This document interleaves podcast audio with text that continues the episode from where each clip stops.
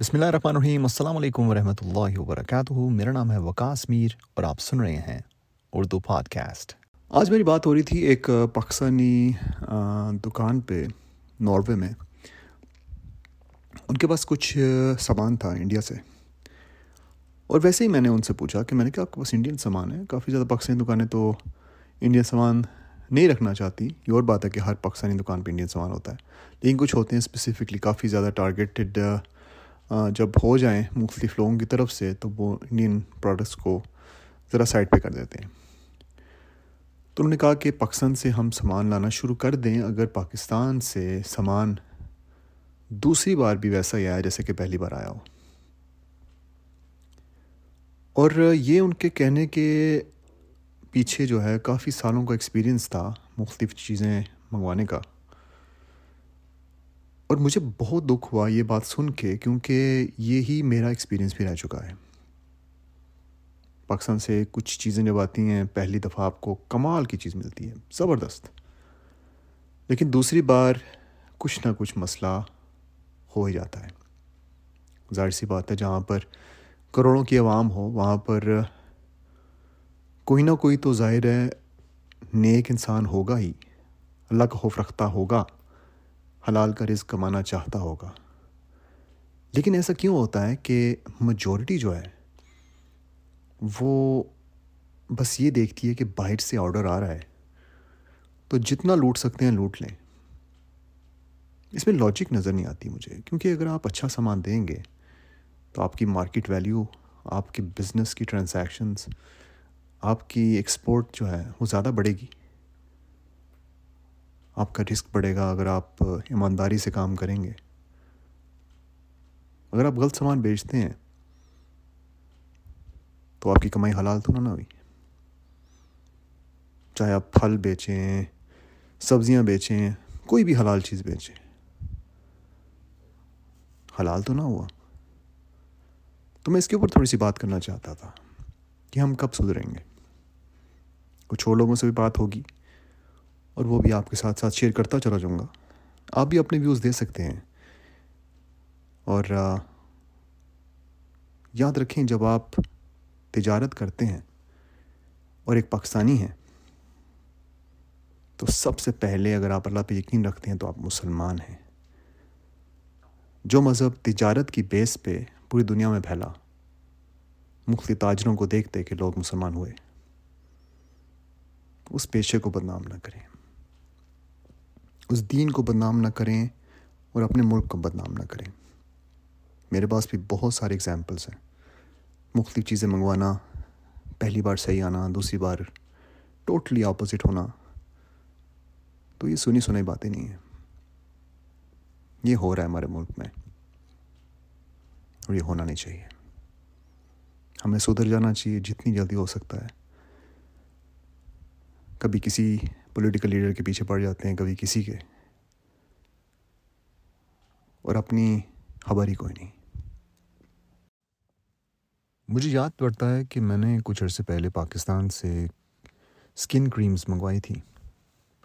کیونکہ میں یہاں پر امپورٹ اور مختلف پروڈکٹس کا مارکیٹنگ کے حوالے سے پرائیویٹ لیبلنگ کے حوالے سے پروڈکٹس کو لانچ کرتا رہتا ہوں۔ تو میں نے سوچا کہ اپنے پیارے سے پاکستان کے لیے کچھ کرتا ہوں۔ پاکستانی پروڈکٹس زیادہ سے زیادہ منگواتا ہوں۔ ایک اسکن کریم کمپنی سے کانٹیکٹ کیا کیا کمال کی انگلش بولتا تھا بندہ۔ بہت امپریس ہوا میں۔ لنکڈ ان پروفائل بھی بھیجا، اپنے اس مختلف قسم کے فیس بک کے پیجز اس کے علاوہ کیمپینز مختلف سیلیبریٹیز کے ساتھ انہوں نے اپنی بھیجی جو ان کی اسکرین کریم استعمال کرتی تھی۔ کریمیں منگوائیں اور کافی زیادہ منگوا لیں۔ سیڈلی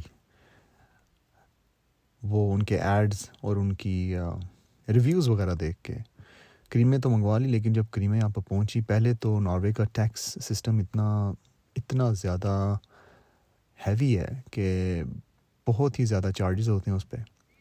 تو یہ سارا کسٹمز وغیرہ مائنڈ میں رکھا ہوا تھا میں نے، لیکن جب کریمیں یہاں پہ پہنچی، یہاں تو نا کہ بک جائیں۔ کریمیں یہاں پر پہنچیں اور کریموں کی حالت ایسی تھی کہ آپ سوچیں کہ ڈبیوں کے جو ہوتے ہیں نا سیل ہوتی اس کی، کسی کی سیل نہیں تھی۔ کریمیں باہر لیک ہو رہی تھی ساری۔ یعنی کہ پیکیجنگ اتنی گھٹیا کہ بندہ سوچ بھی نہیں سکتا کہ آپ کو اتنا بڑا اگر آڈر آیا کہیں سے اور آپ کے ساتھ یہ پرومس کیا جا رہا ہے کہ یہ کریمیں اگر اسی انداز سے ملیں جس طرح کی نظر آ رہی ہیں، تو بہت زیادہ نکلیں گی۔ میں میں کہہ رہا ہوں کہ لاکھوں کا بزنس تھا اس کمپنی کے لیے۔ تو انہوں نے کیا کیا جی؟ اس طرح کا سامان بھیجا اور اس کے بعد کوئی فون کوئی کانٹیکٹ کچھ بھی نہیں۔ کوئی جواب نہیں کسی سے آیا۔ تو میں سوچ رہا تھا وہاں پر کسی کو بھیجنے کا اور ساتھ ساتھ ان کی تھوڑی سی مرمت کرنے کے لیے کہ وہاں پر صحیح طرح دیکھا جائے کہ ہو گیا رہا سر میں۔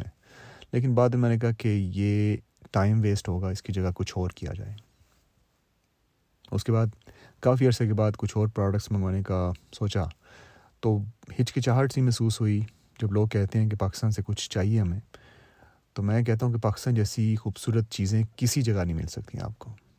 ہمارا پھل دیکھ لیں، مینگو دیکھ لیں، کنو دیکھ لیں، اس طرح کی ساری چیزیں۔ لیکن وہ بھی جو کر رہے ہیں نا بزنسز کا، جو امپورٹ کا کرتے ہیں، وہ بھی بڑی بڑی مشکلوں سے نکل کے اور صرف اور صرف وہ کامیاب ہیں جن کے کانٹیکٹس جو ہیں اس طرح کے ہیں کہ ان کے اپنے باغات ہوں یا پھر ان ان کو کوئی اس طرح کا سامان دے سکے جو کہ ہنڈریڈ پرسینٹ صحیح ہو۔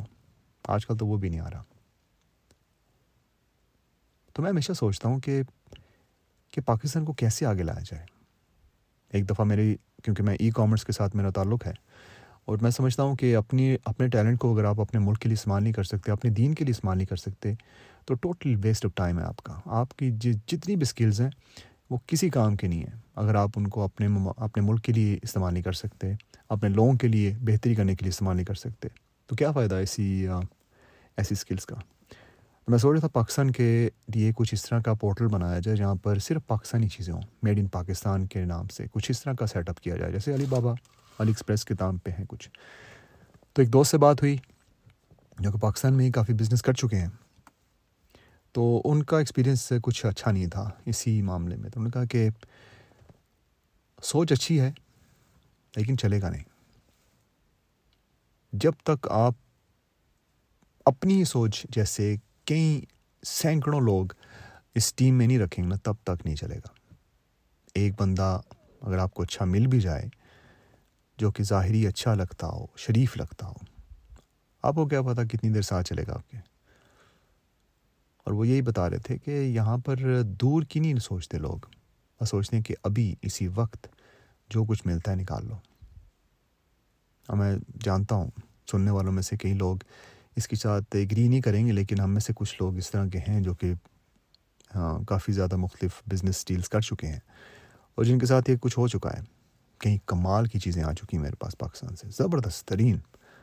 لیکن سیڈلی میجورٹی جو ہے نا، بہت بہت ہی برے ایکسپیرینسز رہے ہیں۔ اور ظاہر سی بات ہے، سننے والوں میں سے کہیں اس طرح کے بھی ہوں گے کہ آپ نے ہمیں ٹرائی نہیں کیا بھائی صاحب۔ تو یہی تو مسئلہ نا یار۔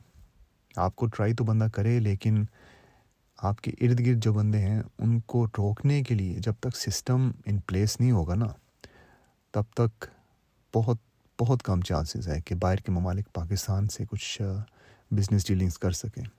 اب میرا دل کرتا ہے پاکستان سے خشک میوے جو ہیں وہ منگوائے جائیں۔ لیکن ڈرتے کسی سے کانٹیکٹ نہیں کیا جاتا۔ اس کے علاوہ سوچتے ہیں جی کوئی اس طرح کی ڈیل کی جائے کہ پاکستان کی ہر ایک وہ چیز جو کہ باہر کے ممالک میں نہیں ہے، وہ یہاں پر منگوائی جائے۔ لیکن یہاں پر بڑے بڑے سے پاکستانی امپورٹرز جو ہیں، وہ یہ بڑی بڑی سی جو برانڈس ہیں، صرف ان سے منگواتے ہیں سامان۔ اور وہ بھی ان کے پیچھے بھی باہر ویسٹرن برانڈس ہوتی ہیں جو کہ ان کو فنڈ کاری ہوتی ہیں۔ تو پاکستانی برانڈز نہیں ہیں وہ اصل میں۔ کچھ اچار کی ہو گئیں، جامع شیری ہو گیا، روح افزا ہو گیا، جو اس کو بیچارے کو صرف ہمیں رمضان میں اس کی یاد آتی ہے۔ کیا کیا جائے ویسے